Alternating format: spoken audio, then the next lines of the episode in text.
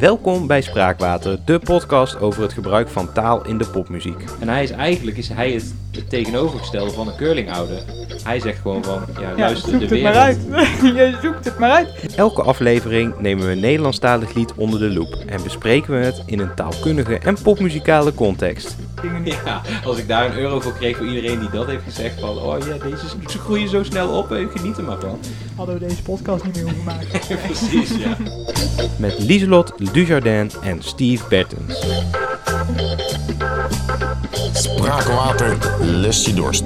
Hallo luisteraars, welkom bij eh, weer een nieuwe aflevering van de podcast Spraakwater. Eh, mijn naam is Steve en eh, ik ben hier weer samen met mijn vaste sidekick, de taalkundige geweten van deze podcast, Lieselot.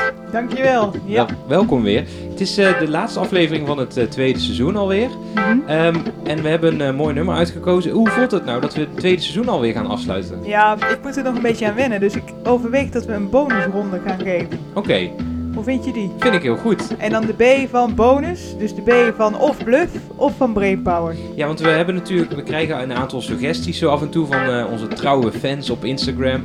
Eh, en Bluff werd, eh, is natuurlijk al meerdere keren voorgesteld. En, eh, en Brainpower ook. Dus ja, ons idee was inderdaad voor de volgende aflevering, dan de bonusaflevering, die later in dit jaar nog komt. Ja. Om dat, die keuze ook aan de luisteraars te laten. Ja, wordt het een Zeeuwse bonus? Bonus? Een Zeeuwse bo- Flauw. Ja.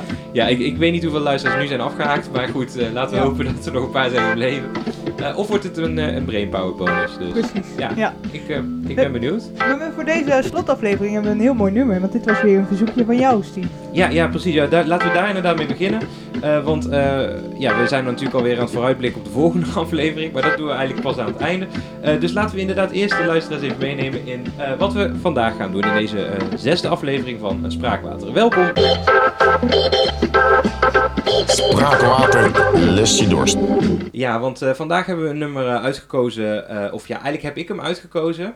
Eh, want we zaten zeg maar aan het begin van het seizoen de planning te maken. En toen dachten we van ergens in oktober dan, eh, dan maken we de slotaflevering, de officiële slotaflevering van het seizoen. En eh, toen dacht ik, kwam ik met de suggestie van laten we dan een nummer doen over kinderen. Een hommage, Een- eigenlijk. Ja. Aan de vaders en aan de kinderen. Ja, precies. En, want ehm, nou, er is natuurlijk een reden voor. Ik ben twee jaar geleden vader geworden en ja, in november komt de tweede. Eh, eh, dus dat is vrij snel alweer. Eh, ik denk misschien op het moment dat je dit luistert is hij er al, wie weet. Ehm, maar ik dacht van, dat is ook wel een mooi thema voor een aflevering. Want er zijn natuurlijk talloze nummers gemaakt over kinderen. Ja, echt. En er springt er eentje uit. Eén in top of mind, zoals dat dan heet. Ja, ja en dat is Kleine Jongen van André Hazes. Dat is het, het nummer wat we hebben uitgekozen. Ja, ja moeten we daar... Het behoeft, eh, André Hazes behoeft geen introductie, toch? Nee, nee maar ik, ik ben nog even benieuwd, Steve. Want jij zegt, ik word dan voor de tweede keer vader. Ehm, krijg je dan een kleine jongen of Nee. heb jij al een kleine jongen? Nee, dat is wel een goede vraag. Het- het- voor de luisteraars ook. Ja, ik heb al een kleine jongen. Die wordt dus bijna twee. Wordt die Ja. in, in, november. En er komt dus een klein meisje bij. Ehm, dus dat is... eh, ja, dus het, het kleine jongen gevoel, dat kan, daarmee kan ik me identificeren. En dat is natuurlijk ook waarom ik eh, heb aangedragen om, eh, om Kleine Jongen te doen van André Hazes eh, in deze bespreking. Mhm. En dat vond jij wel een goed idee. Dus ik dat- vond het een heel goed idee, want ik herken daarin een, een beetje een, een soort genre dat ontstaat. Want de rappers van onze tijd, van de schoolfeestjes en van de, weet je, waar wij een beetje mee de muziek in werden genomen, dat worden nu ook vaders. Ja, ja, en daaraan merk je dus, en dat, eh, dat komt later deze aflevering ook wel terug, daaraan merk je dus dat het wel een soort universeel gevoel is. Terwijl en het dat, toch heel specifiek toch? Je- Het is wel een heel authentiek gevoel, denk ik. Wat jij voelt voor jouw kleine jongen, dat is wel iets... Ja. Dat lijkt, dat lijkt niet universeel. Nee, dat klopt. Dat lijkt inderdaad heel uniek. Maar als je ook inderdaad ziet hoeveel er al over gezongen is. Want ja, ik heb wat research gedaan voor deze podcast. eh, en ja, dan loop je tegen honderden, duizenden nummers aan over Ja. kinderen. Eh, dus daar komen we later wel over, eh, over te spreken waar, waarom dat dan zo is. En, en wat ook die verschillende eh, emoties dan zijn die in zo'n liedje naar voren kom- komen. Want er zit natuurlijk wel een soort van rode draad in, in die liedjes. Er zijn dingen Ja. die in elk liedje wel naar voren komen. Een beetje dezelfde emoties die naar voren komen, inderdaad. Ja, maar het, het, dus daar, daar gaan we het later nog wel over hebben. Hè, want dat is een beetje het thema van, dit uit, van deze uitzending. Eh, maar het nummer wat we als hoofdonderwerp hebben genomen is, eh, is Kleine Jongen van André Hazes. Een nummer uit 1990. Kunnen we daar nog iets meer over vertellen, Lieselot? Ja, jij noemde het jaartal al, 1990. En dan verschijnt het als eerste single, als origineel single. Dus het is geen, eh, geen ja, kopie, want meestal heeft hij dus inderdaad een soort ja, plagiaat gepleegd, dat is het niet. Ja, Maar van een origineel nummer maakt hij dan een soort Nederlandstalige versie. Het is van het album Kleine Jongen. En gelijk het eerste lied. En eh, André Hazes heeft eigenlijk een beetje hetzelfde ja, sentiment gevolgd als jij. Die zegt ook van, eh, ik heb eh, voor mijn kleine jongen... En dat is niet onze André Hazes junior. nee. Maar de, want André Hazes heeft senior, die heeft twee, vier kinderen. Dus de meeste mensen denken, die heeft twee kinderen, vier kinderen. En Ja. het, zijn oudste dochter Annie, die heeft hij bij een vrouw gekregen, daar was hij vijf jaar mee getrouwd. Melvin is bij zijn tweede vrouw, bij Ellen. Oké. En de oppas van eh, Annie en Melvin, dat was Rachel Hazes. En daar heeft hij dan de laatste twee eh, kinderen. Ja, want hè, dat is inderdaad hè, wat eh André Haas junior en Roxanne. ja? Zeg je dat zo? Ja, Roxanne. Ja, ik denk een beetje Amsterdams. Ja, Roxanne. Hazes, dat zijn de twee bekende kinderen, zeg maar. Die zijn met, met, van, van Rachel, zeg maar. Ehm, en er is laatst ook nog een documentaire geweest, ook over het leven van André Hazes, waarin ook wat meer eh inside information wordt gegeven over Ja. hoe dat is ontstaan. Daar was toen wat commotie over. Hoeven we het vandaag verder niet over te gaan hebben. Maar het feit dat hij dus twee oudere kinderen heeft, dat is niet bij iedereen bekend. Nee, en Melvin, die oudste zoon, die heeft ook gezegd van, eh, ja, ik hoef niet in de publiciteit. Die is nou een jaar of veertig of zo. En, eh, maar voor hem is dus het nummer geschreven Kleine Jongen. Ja, dat is wel inderdaad eh, belangrijk om even te vermelden, denk ik, ja. Ehm, en ehm, ik weet ook dat André Hazes junior, die eh, eh, dus wel bekend is, die trouwens al een tijdje van de radar verdwenen is. Ja, het is een beetje een ongelukkig verhaal aan het worden inderdaad. Ja, dus Maar daar hoeven we het vandaag verder ook niet over te hebben. Ehm, die is natuurlijk wel ook eh, eh, vader geworden, ook een aantal jaar geleden. Die heeft ook nog iets gezegd over dit nummer, toch? Ja, hij eh, zegt van, nou, weliswaar gaat het nummer niet over mij, maar ik herken wel heel erg de gevoelens. En sinds ik vader ben geworden, herken ik ook het sentiment. En het is een beetje een vrije interpretatie van zijn woorden, want het echt, ja, over bonnenonderzoek onderzoek gesproken. Onze search was dus ja, libelle.nl. Maar daar heeft hij dus inderdaad uitgeweid over dit nummer en dat het inderdaad herkenbaar is. Want als jongetje vond hij het niet zo heel... Nou, misschien vond hij het ook niks, eh, dat is natuurlijk speculeren, maar misschien vond hij het ook niks omdat het niet over hem ging, omdat het over zijn oudere halfbroer ging, die ook weinig contact had met zijn vader, weet je wel. Die band was niet zo goed dat hij daarom ook dat nummer niet zo eh, Nee, kon waarderen. Of, Of hij had dezelfde associatie als ik met het nummer. Want ik ken het vooral van de dominee, de beginscène. oh, Dan eh, wordt er iemand gemarteld op het nummer Kleine Jongen. Oh, echt ja? Oké. Ja. Ja. nee, dat, die associatie heb ik dan weer niet.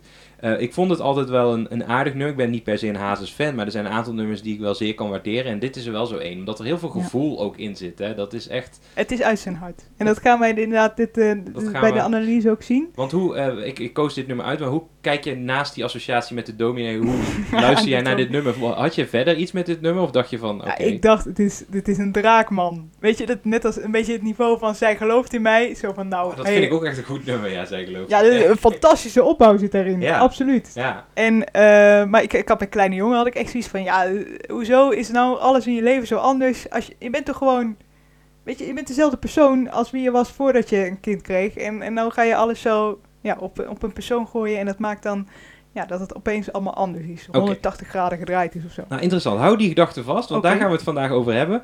Eh, daar kan ik wel een en ander over toelichten. Maar laten we even gaan luisteren dus naar eh, Kleine Jongen. Nou, allemaal uit volle borst. Spraakwaterles de tocht, moet je horen. Ik dacht, ik doe ook gewoon even een stukje intro erbij. Dat Oh, is maar wel dat mooi, hoort toch? erbij. Ja, Ja. toch? Dat, eh, dan zit je meteen in die bombast van het liedje. Hè?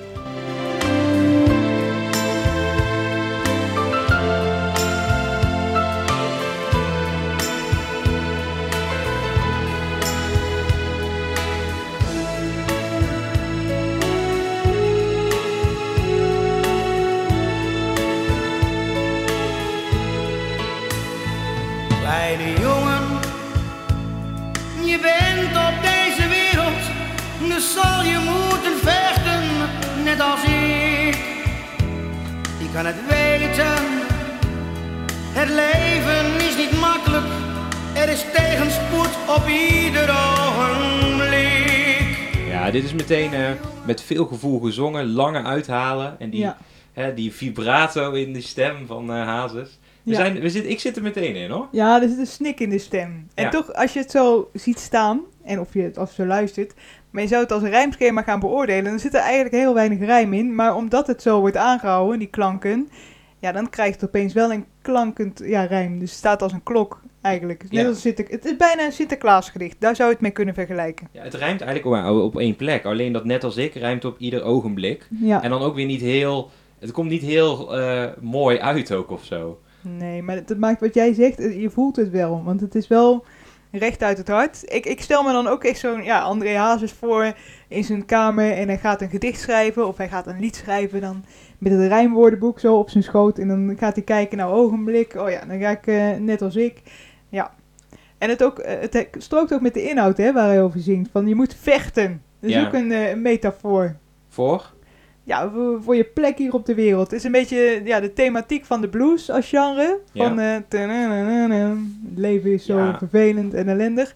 Maar dan eh, op een ja, popsound, dus met de drums en een, en een strijkje. Ja. En, eh, Ja, maar hij heeft, ook, hij heeft ook vroeger ook wel een beetje blues gezongen. En uiteindelijk, bluesmuziek zit ook wel dicht aan tegen het volks. het volkse. Ja. Dus wat dat betreft, dat, dat, dat snap ik denk ik heel goed.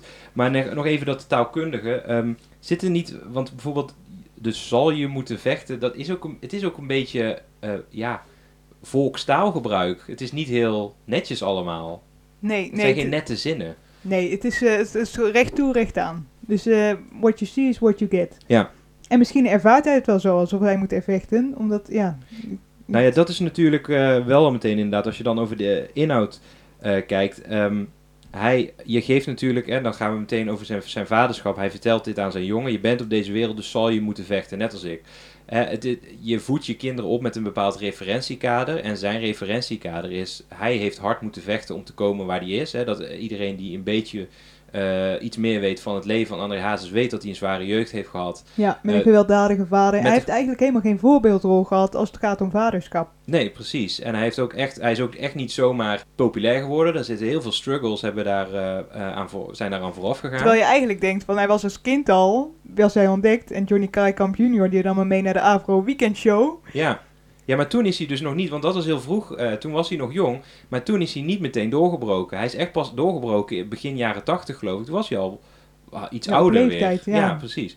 Dus eh, weet je, die, die hele eh, strijd die hij zelf heeft moeten voeren, geeft hij eigenlijk, spiegelt hij ook zeg maar richting zijn kinderen. En dat is, ja, daar kun je dingen van vinden, maar dat is wel iets wat een ouder eigenlijk een soort van eh vanzelf doet. Hè? Want je voedt je Ja. kinderen op met, binnen je eigen referentiekader. En zijn referentiekader is gewoon, je moet vechten op deze wereld om iets te kunnen bereiken. Dus dat Ja. geeft hij mee. Om je ruimte te krijgen die je eigenlijk, ja, die je toekomt. Ja, precies. En eh, wat hij ook, hè, hè, André Hazes weet dus hè, door al zijn ervaringen dat de wereld geen paradijs is. Mhm. Ehm, maar het liefst instinctief zou je je kinderen daarvoor beschermen. Hè, je, je- ik, ik, ik moest denken meteen aan het eh, begrip curlingouders, wat, eh, wat de laatste jaren een beetje in zwang is. Hè, een moeder die eh, haar kinderen voor alles, of een vader, hè, dat is net zo goed natuurlijk, eh, die eh, hun kinderen voor alles willen beschermen wat, eh, eh, wat, wat, wat er is. En eigenlijk altijd hun kinderen willen opvangen als het nodig is, maar daarmee leer, leert een kind niet... eh, om ja, te gaan met die tegenspoed. precies. Op En, ieder ogenblik. en hij is eigenlijk is hij het, het tegenovergestelde van een curlingouder. Hij zegt gewoon van, ja, Ja, luister, zoek de het wereld... maar uit.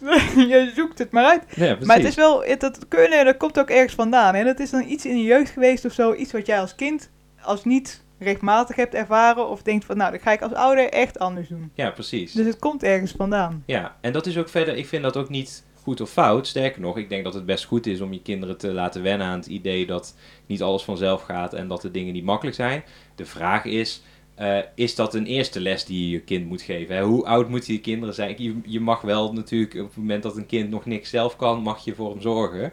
Eh, en op een gegeven moment laat je hem kennis maken ook inderdaad met ja, eh, wat tegenslag of zo. Je Ja. kunt er niet altijd zijn om op te vangen, dus een kind valt ook wel eens. Nee, want we gaan straks erachter komen hoe jong dit kind is. Het is nog niet eens naar school gegaan, Steve. Nee, ja, precies. Dus dat, daar kun je dan pedagogisch gezien kun je daar je vraagtekens bij zetten. Maar op zich het hele idee van je leert je kinderen dat de wereld geen paradijs is, dat is op zich niet een slecht, eh, slecht idee, denk En ik. jij, ken jij dat? Als ouder ook? Ja, ik ken het gevoel heel erg dat je je kind voor alles wil beschermen. Want ik, ik vind het ook vervelend als, eh, als een kind eh, mijn zoontje wegduwt als hij in de speeltuin is. Maar aan de andere kant, ja, hij zal zijn hele leven nog weggeduwd worden. En er zijn altijd mensen die je weg willen duwen. Dus jij moet er ook maar mee omgaan. Je kunt Ja. niet altijd er dan als ouder naast staan om er iets aan te doen. Dus zul je moeten vechten. Dus daarom, dat, ik vind dat helemaal niet per se een, eh, een slechte boodschap of zo. Oké. Kleine jongen, er zijn veel goede mensen, zijn er ook. Helaas, het is waar. Je moet maar denken dat jij straks gaat beseffen dat eerlijk het langste duurt. Geloof me maar. Ja, ja, ja. Ehm, ja, dit sluit wel weer aan op, eh, op het vorige couplet. Er zijn veel goede mensen, maar slechte zijn er ook. Helaas, het is waar. We kunnen het niet mooier maken dan is. Leuker kunnen we het niet maken. Leuker kunnen we het niet maken. Ook Wel- niet makkelijker. Wel makkelijker? Ja, nee, niet makkelijker. Ook niet makkelijker. Nee, het is niet erg positief. Maar wel eerlijk duurt, duurt het langst. Dat zegt Ja. hij dan wel. Ja, maar het is eerlijkheid duurt het langst. Dus hij, maakt het verkort, hij verkort het eigenlijk ten gunste van het metrum. En daarom krijg je steeds die, ja, die kloppende eindrijm. Ja. Dat idee van een, eh, ja, van een Sinterklaasgedicht noem ik het nog steeds. Ja. In die laatste regel zwellen ook de drums aan. Dus dan weet je al wat er gaat komen, hè, het refrein. Ja. Dus eh, ja, dit, dit werkt gewoon heel erg goed op eh, in de kroeg. Ja, precies. Hele, eh, ja, hele herkenbare muziek. Ja. Maar, maar het is wel vrij kinderlijk bedacht, zeg maar. Hè. Er zijn veel goede mensen, maar er zijn ook veel slechte mensen. Ja, dat is Ja. wel een beetje het eerste wat in je opkomt, zeg maar, dat je dat opschrijft. Ja, nee, maar wat ik zei, het is zo. hij, hij, hij refereert aan zijn eigen leven. En dan verwijst hij van, van oh ja, dit, dit heb ik meegemaakt. En omdat het zo puur is, kun je er eigenlijk ook geen eh, ja, inhoudelijke kritiek op hebben. Daar kom, heb ik wel een taalkundig puntje. Vertel. Eh, dus het, het gaat dan over, je moet maar denken. En dat jij straks gaat beseffen. Denken en beseffen, dat zijn, ja, dat is eigenlijk hetzelfde. Het is een tautologie, noemen we dat. Dus Ja. zijn twee synoniemen van elkaar. Dus hij vult echt tekst in om maar iets te hebben. Ja, want dit zijn inderdaad twee zinnen die eigenlijk... Je moet denken dat je gaat beseffen dat eerlijkheid Ja. het langste duurt. Dat is wel, ja, dat is eh, wel Nee, anders denk je nu over na dat je straks gaat denken. Het- Ja, dat, daar komt het uiteindelijk op neer. Ja, precies. Maar dat is echt, volgens jou is dat omdat die zin eh, opgevuld moest worden. Ja, een beetje een stoplap. Ja, precies. Dit leven gaat voorbij.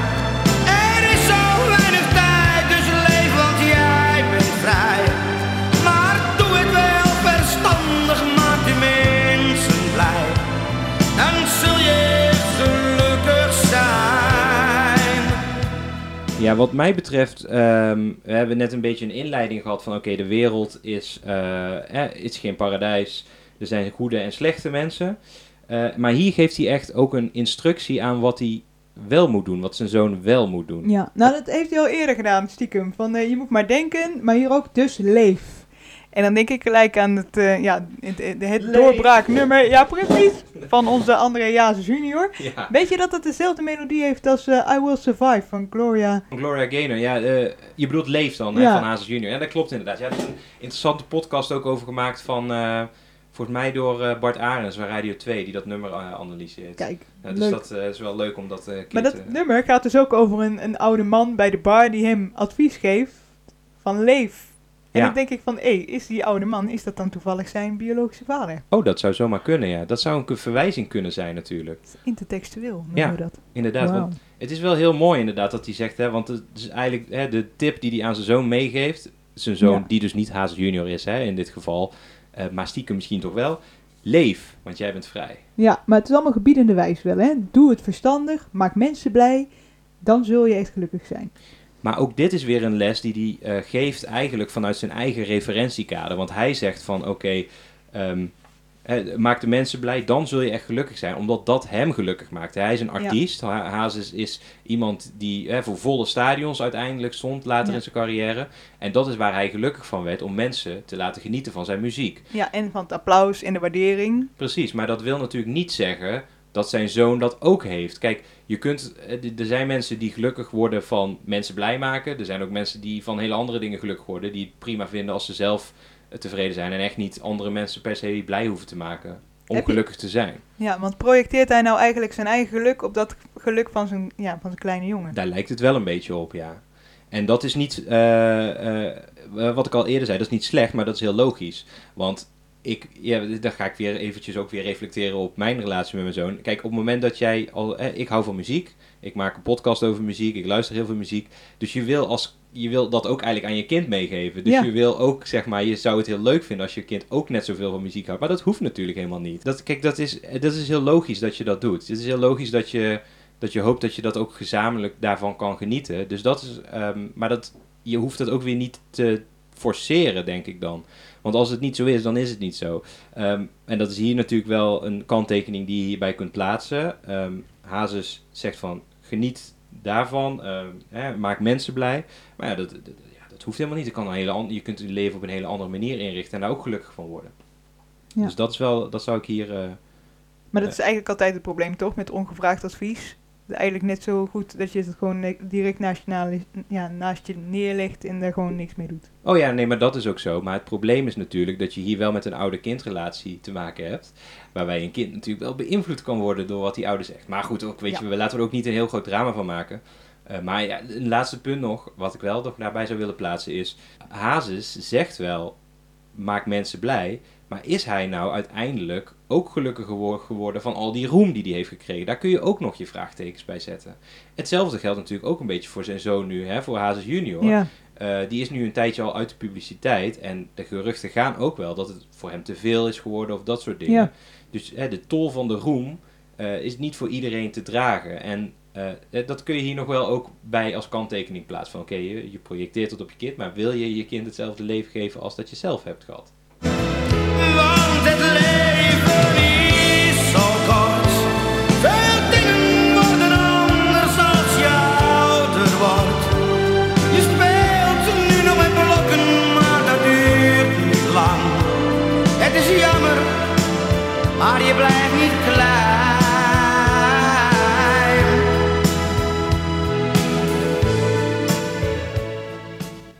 Het eh, tweede deel van het refrein. Het leven is zo kort. eh, veel dingen worden anders als je ouder wordt.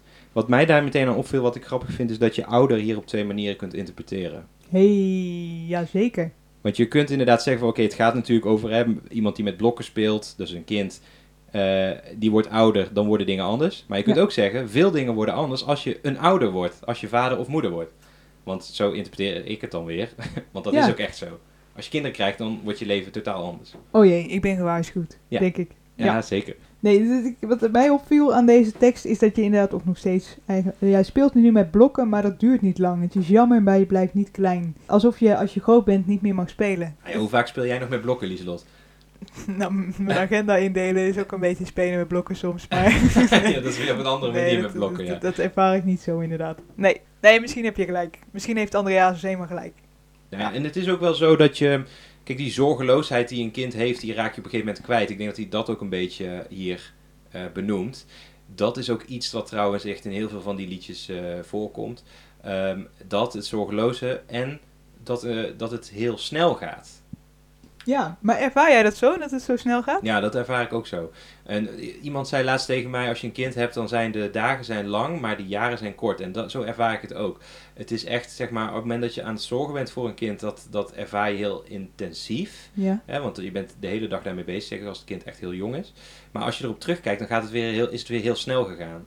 Want ik vind de afgelopen twee jaar, vind ik eh, bij mijn zoontje dan weer heel, heel snel gegaan. Ja, Dus dat, Maar dat komt misschien ook dat die dagen zich zo uitdrukken in hoe oud en, ja, niet oud, maar wel hoe volwassen hij al, of ja, hoe, Ja. hoe, groot, hoe groot hij is geworden, zeg Ja. maar. Precies, en dat is misschien Ja. ook zoals André Hazes hier ook naar zijn, eh, eh, zijn zoontje kijkt. Want hij heeft dit nummer in 1990 uitgebracht. Volgens mij was zijn kind toen ja, acht of zo, zoiets, denk ik. Ik denk dat dat ook zo'n leeftijd is dat je dan teruggeeft. Dat je denkt van jeetje, waar zijn die acht jaren gebleven? Hij loopt nu al zelf naar school. Hij fietst al zelf naar school, Ja. weet je wel. Dat je dat ook eh, een beetje ziet. En je krijgt het ook nooit meer terug. Nee, precies. Dat is ook zo'n cliché inderdaad. Want Iedereen zegt dat ook tegen je dan op een gegeven moment. Dan krijg je een kind, oh nee, je moet echt genieten van deze tijd. Dat is Hey, echt- Eigenlijk zijn ze allemaal Andreases voor jou aan het zingen nu. Ja, als ik daar een euro voor kreeg voor iedereen die dat heeft gezegd van... Oh ja, deze, ze groeien zo snel op, eh, geniet er maar van. Hadden we deze podcast niet meer hoeven maken. Precies, ja. Kleine jongen, op school dat alles draait om cijfers en om macht. Zo is het leven, dus leer wat je moet leren, want dan ben jij degene die het laatste wacht.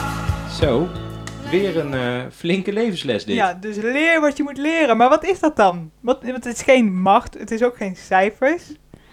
Nee, wat ik- moet ik dan leren? Wat moet je leren? Nou, ja, ik vind, het, ik vind dit couplet, of dit stukje tekst vind ik echt heel opmerkelijk. Want het begint dus op school zul je merken dat alles draait om cijfers en om macht. Ik vind dat vrij, eh, een vrij grote conclusie om te trekken. dat de hele wereld alleen maar draait om cijfers en macht. Ja, dat geeft me aan hoe... Want eigenlijk was het gewoon een hele verbitterde man dus, Andreas. Want als je dat al alleen maar zo ziet... en je geeft dat mee aan je kleine kind dat dan met blokken aan het spelen is... Ja. ja, want je kunt het wel denken. Je kunt ook inderdaad wel, je hebt natuurlijk een bepa- bepaald beeld van de wereld. En eh, ja, natuurlijk, weet je, cijfers en macht zijn ook inderdaad belangrijk. Ehm, maar is dat, iets, is dat een, een wereldbeeld dat je wil meegeven aan je kind? Hè? Je kunt ook een iets positiever wereldbeeld meegeven en het kind er later zelf achter laten komen dat inderdaad wel cijfers en macht belangrijk zijn. Ja, nee, maar het, wordt nu zo gebracht alsof alleen eh, goede als je goede cijfers haalt, dan tel je mee. Als je, eh, als je geen cijfers haalt, dan tel je niet mee. En mag je ook niet mee meespelen met de macht. Ja, Maar Nee. hij zegt van, leer de dingen die je moet leren. En dan denk ik van, dat is toch het vechten voor het leven. En dan misschien toch ja, een beetje meer de volks... eh, Ja, en ik vind, ik, vind dat echt, ik vind dat echt totaal tegenovergesteld aan wat ik heb meegekregen. Want ik werd naar school gestuurd met het idee van...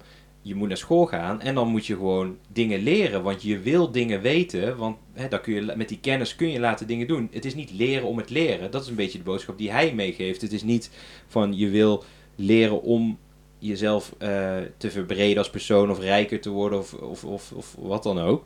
Maar je moet leren om geld te kunnen verdienen eigenlijk. Dat is een beetje hoe ik ja. dit Nou, interpreteer. maar ik denk dat het een beetje een, eh, een, een bubbel is. Want wij zijn natuurlijk eh, kinderen van de kenniseconomie.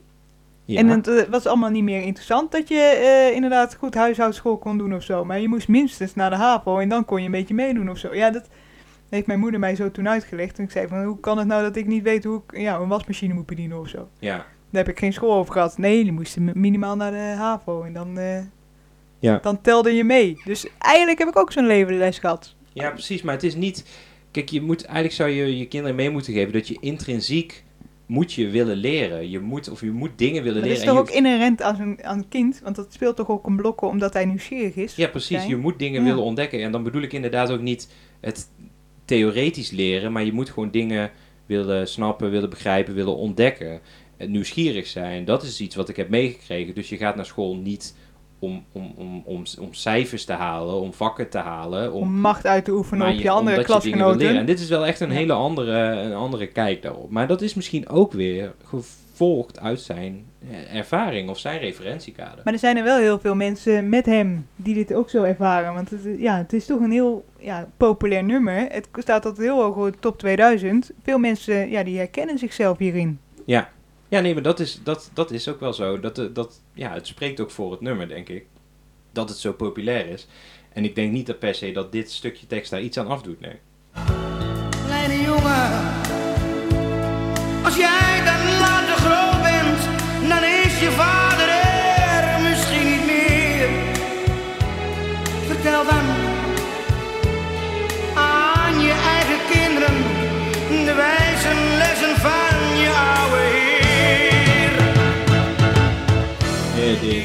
ik zou bijna willen meezingen, hè? Dat Ja, dat komt. Ja, Maar- alles in het nummer is gemaakt om inderdaad nu helemaal los te gaan. Ja, maar dat, eh, dat gaan we niet doen, want we gaan het even hebben over dat laatste stukje tekst. Als jij dan later groot bent, dan is je vader er misschien niet meer. Nee, maar ook hoe hij het brengt. Het is bijna alsof hij nou al aan het voorbereiden is op een traumatische ervaring. Want er zit dus twee keer, twee keer het woordje dan in. En als dan. En ja, dan is je vader er misschien niet meer. En dan ook met die pauzes. Vertel dan. En dan moet je je goed opletten, jongen. Dat hoor je bijna in die, in die stilte die in die zin zit. Vertel dan, stilte, aan je eigen kinderen de wijze lessen van je oude heer. Ik vind dat wel opvallend, dat hij dus in een liedje aan zijn achtjarige zoontje, of acht jaar, nou, ergens in die Ja. trant, dat hij zingt, als je later groot bent, dan is je vader er misschien niet meer. Dat vind ik best wel een, ehm, een deprimerend uitgangspunt ook, want hij is natuurlijk relatief jong overleden, André Haas. Ik weet niet of hij nog, nou, hij heeft sowieso de kleinkinderen eh, Ja. van, van, eh, die van, van eh, Haas junior, die heeft nu een, een Nee, kind. eh, hij is dat heeft inderdaad hij sowieso in- bij, bij lange na niet meegekregen. Ik weet niet of zijn eerdere zoon toen al kinderen had. Waarschijnlijk heeft hij inderdaad zijn kleinkinderen niet meegemaakt. Nee, hij is in 2004 is hij overleden. Ja, dus het, het lijkt er ook wel haast op als je deze tekst leest... dat hij ook zelf al zich realiseerde dat hij misschien niet zo oud zou worden. Want hij heeft natuurlijk een vrij eh, ja, losbandige levensstijl gehad. eh, Ja. Verslaafd aan alcohol geweest en dat soort dingen. Misschien wist hij ook al... Ik word misschien helemaal niet zo oud. Heeft hij net als David Bowie bijna zijn eigen muzikale, culturele Nou ja, dat is wel... overlijden. In, ja, ja, en dat is misschien, dat, dat raakt me dan ook wel inderdaad. Dat je, eh, kijk, als vader geef je dus bepaalde lessen mee aan je kind. En je hoopt toch dat je ooit ook het moment mag aanschouwen waarop jouw kind weer die lessen doorgeeft aan een volgende Ja. generatie. Dat Hij is leeft wel. voort. Ja. Ja, precies. En dat zie ik dan inderdaad ook aan mijn ouders, die dan helemaal opleven op het moment dat hun kleinkind er is. En dat ook eh, ja, eigenlijk alles weer terugbrengt, zeg maar. Hè? Dat, hele, dat hele ouder worden brengt weer, komt weer helemaal terug daardoor. Dat is iets heel moois, denk ik. Maar misschien dat hij zich al realiseerde, dat moment van opa worden ga ik nooit meemaken, waarschijnlijk. Dat vind, Ja. ik, wel, ja, vind ik wel pijnlijk ook. En dat hij dan extra nadrukkelijk vraagt aan zijn achtjarige jongen. Misschien, ja, m- misschien is hij wel zelf jonger. Van, eh, geef jij dan deze lessen door? Ja, en dat is wel inderdaad, ik vind dat wel een eh, mooie, maar ook een beetje pijnlijke constatering dat hij dat eigenlijk hiermee afsluit. Ja. Van eh, deze wijze lessen, die kan ik niet meer meegeven aan jouw kinderen, dus doe jij dat alsjeblieft. Ja, nou er zitten dus zes eh gebiedende wijze lessen in. En als eh André Jazes junior het niet daar doorgeven, dan geven wij het nu bij deze door aan ons publiek. Nou, pak pen en papier Ja. erbij. Pen en papier, komen ze. Vechten voor je leven. Eh, je moet beseffen dat je weet dat eerlijkheid het langste duurt. Je moet vooral leven, maar wel verstandig. Je moet mensen bijmaken. Leren wat je moet leren, vertellen aan je eigen kinderen en de lessen van deze oude heer. Dus dan ga je weer aan je eigen kinderen vertellen wat je net zojuist allemaal hebt gehoord. Ik, Ja. ik vind het nogal een eh, opdracht, moet ik heel Het eerlijk is een zeggen. behoorlijke opdracht. En eh, het woordje je, ja, want zo flauw ben ik dus geweest. Het woordje je, dus wanneer je wordt aangesproken, dus dan ben je weer alert en dan, dan krijg je weer een opdracht mee. Komt 16 keer voor in het nummer. Dat is echt ontzettend vaak. Ja. ja, nee, dus dat wel om het dan even inderdaad samen te vatten. Ehm, ik vind het een mooi nummer. Het raakt me op bepaalde punten ook, omdat ik dingen herken. Het, eh, maar er zitten ook wel wat, ja, wat, wat, wat gekke dingen in eigenlijk. Haken en ogen, van wat moet je dan leren, waar moet je dan voor vechten. Maar misschien willen wij ook alles kapot nuanceren als podcastmakers. Dat is natuurlijk wel zo, hè, want dit is ook gewoon een gevoelsnummer. Hè, Echt. Dat, Uit zijn kloten, zoals je dat in het Amsterdam zou zeggen. Ja, precies. Dit nummer, daar is ook niet heel lang over nagedacht. Maar dat hoeft ook helemaal niet, omdat het gewoon is wat in hem opkomt. Hij heeft het geschreven, hij voelt het zo. En dat is natuurlijk het hele ding met volksmuziek. Waarom slaat het zo aan? Omdat het zo herkenbaar is. En niet Mhm. door per se door de kiezen van de, de goede woorden, maar wel de juiste woorden. Want dit is iets wat zijn publiek herkent, wat de mensen herkennen. De taal die hij gebruikt, dat is ook de taal van het volk. Ehm, dus daarom herkennen mensen het en daarom voelen mensen het ook. En het staat helemaal los van de tijd, hè? Want dit is dus iets wat altijd zo wordt ervaren. Ook zijn zoon ervaart het zo. Ja, En misschien de, ja, de, de zoon, want er is dan een zoon Andreas junior. Dus Andreas junior junior. Die dat ook gaat herkennen. Ja, dus dat, ik, ik vind het echt, ja, wat dat betreft, wij eh, analyseren het kapot, maar het is wel gewoon een goed liedje. Nou allemaal uit volle borst. Spraakwaterles de dorst. Proost. Ja, want er zijn natuurlijk, eh, nou, dat vertelde ik in de inleiding al, er zijn natuurlijk duizenden liedjes geschreven over kinderen. Ehm, en ja, weet je, als je je daar doorheen eh, moet eh, worstelen, dan ben je nog even bezig. Kun je flinke Spotify playlist van maken. Daarom hebben wij dat voor jou gedaan. Precies. Ehm, ja, je kunt het eigenlijk in verschillende categorieën indelen. Kijk, want dit nummer, wat we vandaag hebben besproken, dit liedje Kleine Jongen, is echt een liedje waarin die expliciet een, aan zijn kind Ja. iets vertelt. Ehm, als je kijkt naar het perspectief, is het ook zanger eh, vertelt iets aan kind. Ouder vertelt iets aan kind. Je kunt dat ook ander, alle andere kanten op doen. Je, kunt, eh, je hebt liedjes waarin het, eh, er iets meer afstand is, waarin je de relatie met je kind beschrijft. Ehm, bijvoorbeeld, en dat liedje gaan we dus vandaag niet draaien, Dochters van Marco Borsato, is iets meer Oh, beschouwend. Vind ik niet zo erg eigenlijk. Nee, die, Nee, vandaag geen. Marco Borsato. Ehm, maar als je dan echt kijkt, er zijn ook liedjes die de zoon tegen de vader zingt, of de dochter tegen de vader. Hè. Ik, een heel goed voorbeeld is natuurlijk Papa van Stef Bos. Ja, of eh, Father and Friend. Van, Dat gaat weer twee kanten op. En Oh ja. Daar gaan we het vandaag ook niet over hebben, van Alain Clark bedoel je? ja, die. Ehm, maar we gaan het echt liedjes hebben over liedjes van ouders die iets aan hun kinderen willen vertellen. En dan ook weer, kijk, er zijn natuurlijk heel veel liedjes die, die iets, eh, op het moment dat je vader wordt, dan word je overmand door emoties en je wil alles doen voor dat kind. En Ik geloof je direct, Steve. het, het, is, het is echt zo, ja, ik ga het niet te lang over hebben, maar het is echt eh, ja, met niets te vergelijken. En dat hoor je natuurlijk in heel veel liedjes terug. Maar om eventjes een aantal voorbeelden te geven bij die, die emotie die je kunt hebben, eh, heb ik wel wat nummers opgezocht. Bijvoorbeeld, ehm, je had het net al even over wat Nederlandstalige rappers. Ehm, maar laat ik dan eventjes me focussen op Fresco. Ja, Eindhovense rapper. Eh, die is eh, ja, volgens mij een jaar of tien geleden vader geworden. En eh, zijn dochter heet Alicia. En toen bedacht hij ook, of maakte hij het liedje Brief aan Alicia. Dat is van zijn eh, album Maskerade uit eh, 2012. Eh, en ja, daarin ja, klinkt gewoon een, een volledig verliefde papa door. Luister maar eens. Je mooie blonde krullen, je groen-blauwe ogen, je lieve stem, je babygeur. Ik kan zoveel praten over jou. Maar het komt er gewoon op neer. Papa doet alles voor jou. En zal er altijd zijn voor je. Mijn liefde voor jou dwingt mij om van mij te houden. En een beter leven te creëren voor ons. Nou, dit is toch prachtig. Dit is toch Ja, prachtig. Je, dit je is hoort- wel, ik krijg bijna tranen in mijn ogen. Het is heel erg liefdevol. Ja, toch? Ik zou Alicia willen zijn. Nou Ik- ja, dat, Ja. en dat is wel... En ik- kan ik nog één voorbeeld bij geven? Recent is ook Ronnie Flex. Nou, ik denk ook alweer een jaar of twee geleden vader geworden. Maar hij heeft recent een, eh, een eh, liedje ook uitgebracht. Eh, dat heet Altijd Samen. En daarin, eh, het is iets minder dat verliefde, maar een beetje... Hij beschrijft gewoon hoe hij een dag doorbrengt met zijn dochter. Luister maar eens. Hele dagen samen spelen in jouw hoek. We bekijken alle plaatjes in elk boek. Om de paar uurtjes verwissel ik je broek.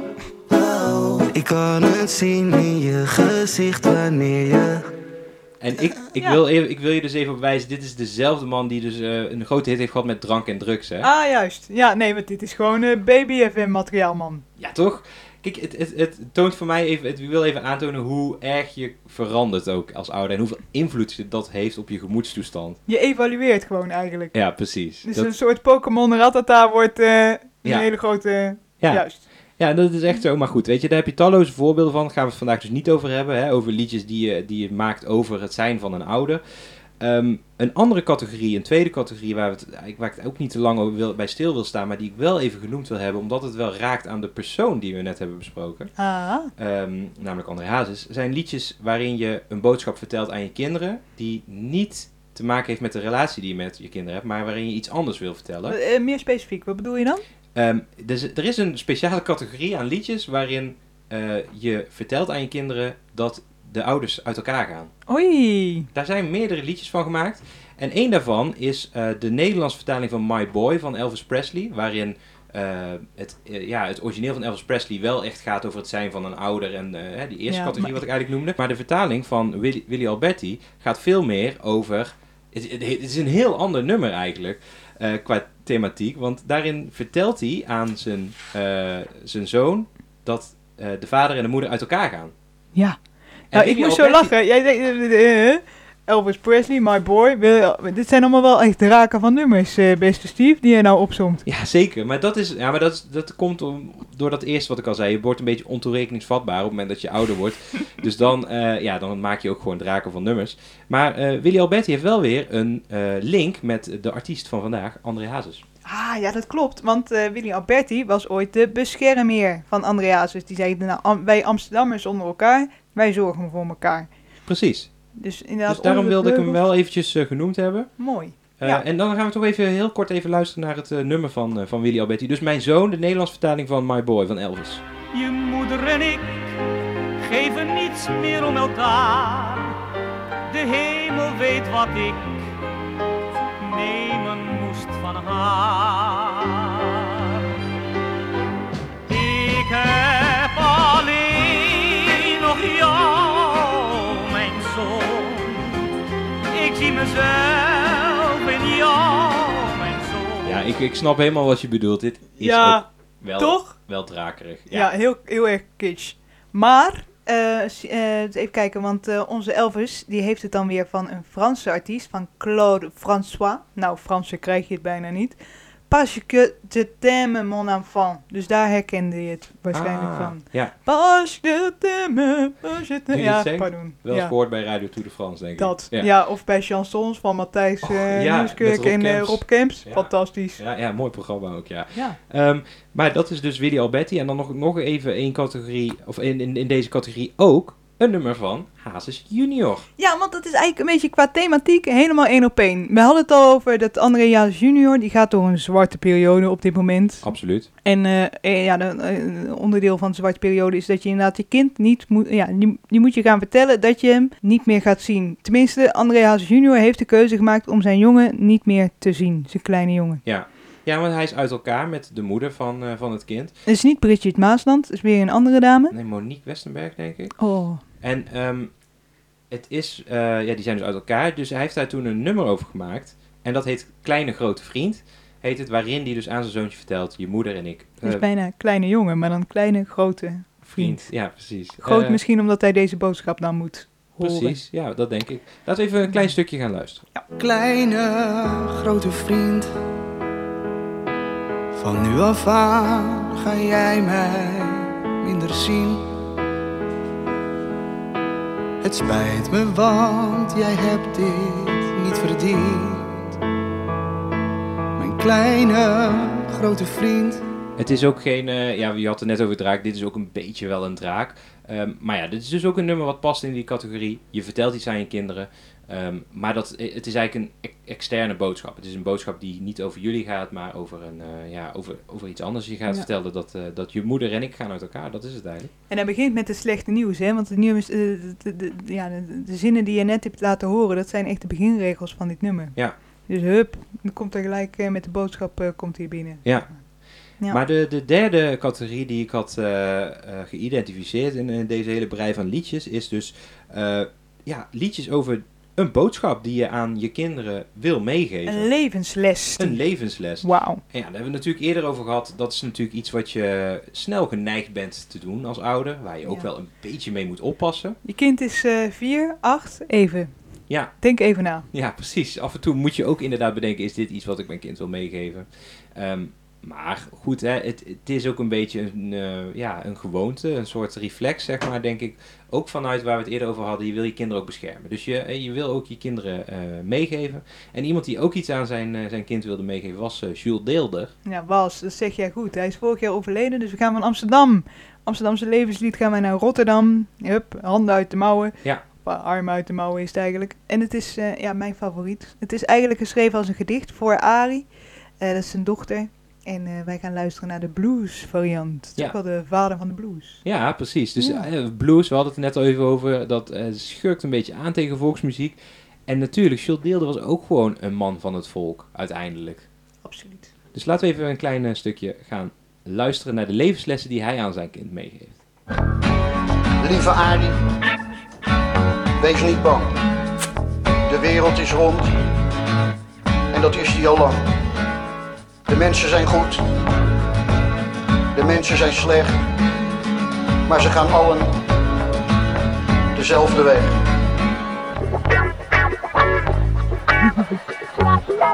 Wel een eh, lekker nummer, hè? Ja, en eh, de, de les die inderdaad Ari, of eh Jules Deelder meegeeft aan zijn Ari, is van, nee, ja, wees niet bang. Ehm, je, gaat, eh, je komt uit het aarde en je gaat door het vuur. Ja. Dus het is, ja, het is, het is, ik vind het heel poëtisch. Het- Ehm, er is een café, dat heet Ari. Oh, Het echt is waar? zijn In favoriete Rotterdam? café. Ja, zijn favoriete café is dus vernoemd naar zijn dochter. Dat is het inderdaad expres gegaan. Oh, echt gedaan. waar? Ja, dat Wat heeft de kroegbaas heeft dat dan eh, bewerkstelligd. En de biografie van Jules Deelder, die wordt op dit moment geschreven door Arie, door zijn dochter. Oh, echt waar? Wat mooi. Ja. Ja. dus toch weer rond. Ja, precies. en dat, is het al lang. Ja, precies. Maar er zijn, nog, er zijn natuurlijk nog meer liedjes waarin je ja, toch af en toe zo tussendoor een, eh, een, een levensles aan je, aan je kind eh, wil meegeven. Een andere rapper die, eh, die ook vader is geworden op een gegeven moment is Fabio van de jeugd van tegenwoordig. Ja, die kennen wij, want die hebben sterrenstof hebben hem gezien. Ja. Hij had zijn mokka prinsesje had hij op zijn bankje en proost aan een stemklankje. En toen had hij het eigenlijk al een beetje voorspeld dat hij inderdaad vader zou gaan worden. Ja, en dat is uiteindelijk ook gebeurd.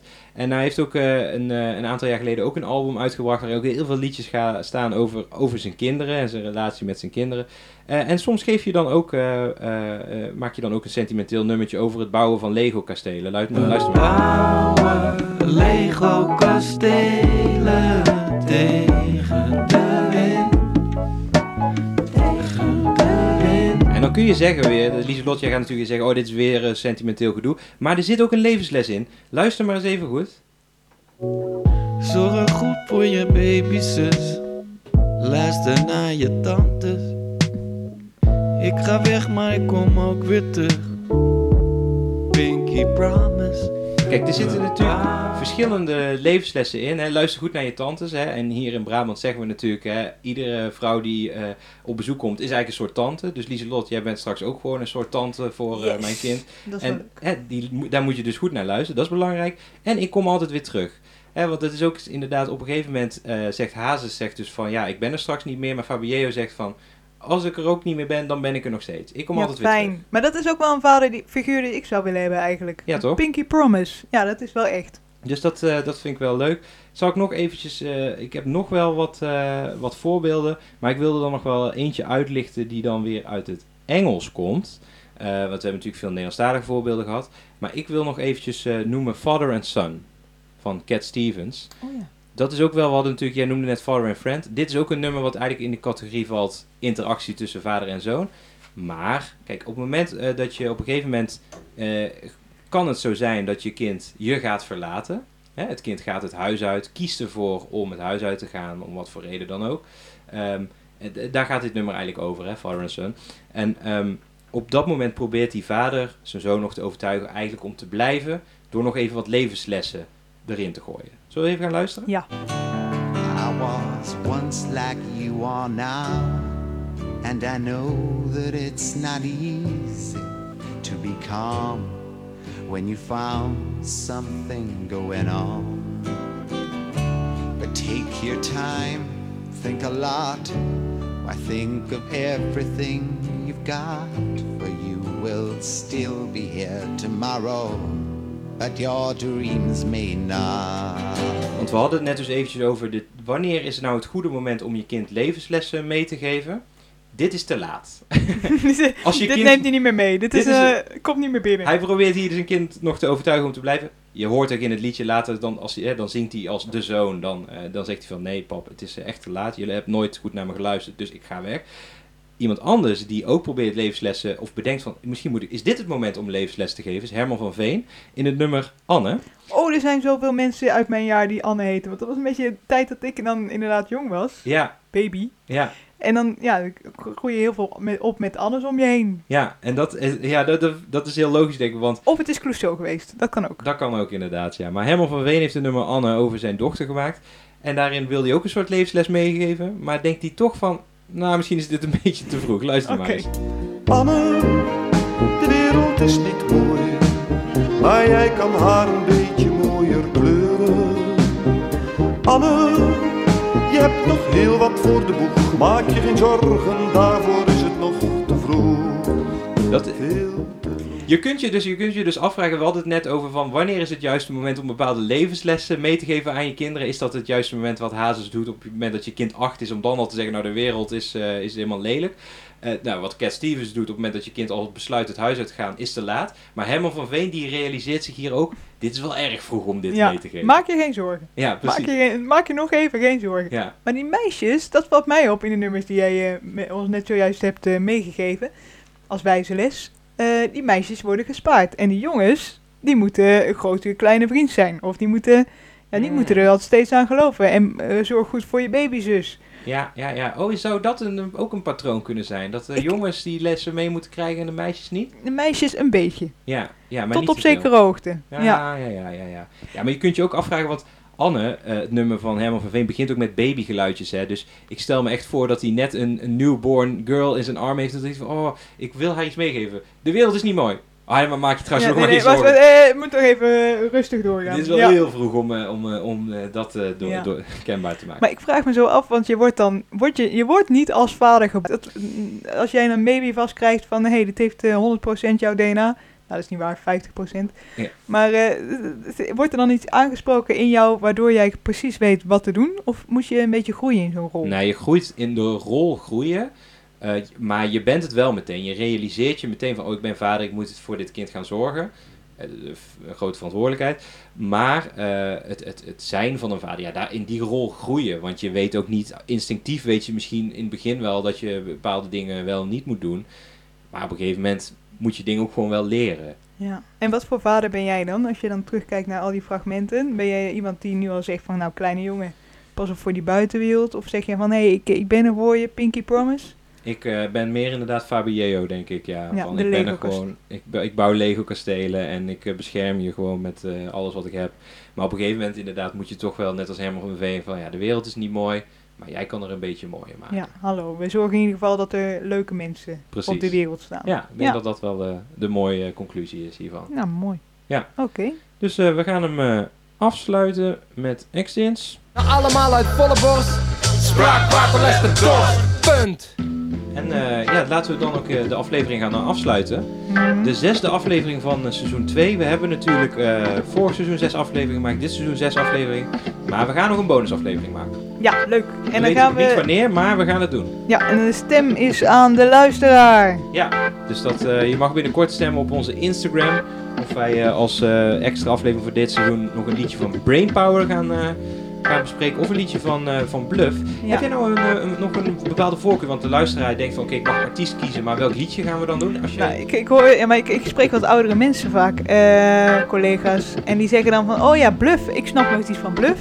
Wat, wat zingen ze eigenlijk? Ja, maar heb je Maar- dan een specifiek een liedje wat ze dan ook noemen of niet? Ehm eens kijken, want we hebben de vorige keer hebben we al Holiday in Spain genoemd. Ja. Met mijn schoenen zijn gejat, maar ik hoef niet naar buiten, want er is nog wel wat. Ja, precies. En dat we weer afvroegen van wat is wat. Ja, ja, precies. Ja, dat inderdaad. Ja, maar dat, eh. Dus dat nummer hoeven we niet meer te bespreken.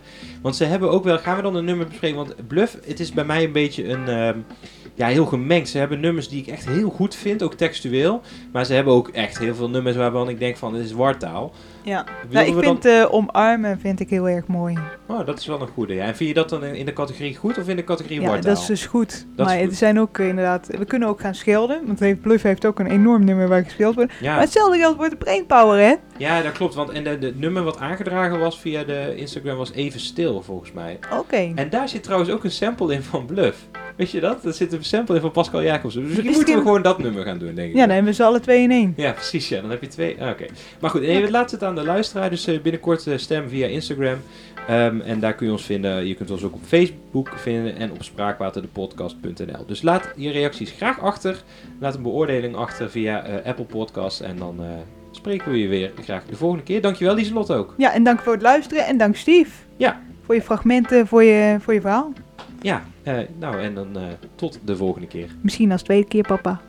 Ja, Ja. wie weet. Wie weet waar we dan zijn. Ja. Ja. Tot de volgende keer. Spraakwater lest je dorst.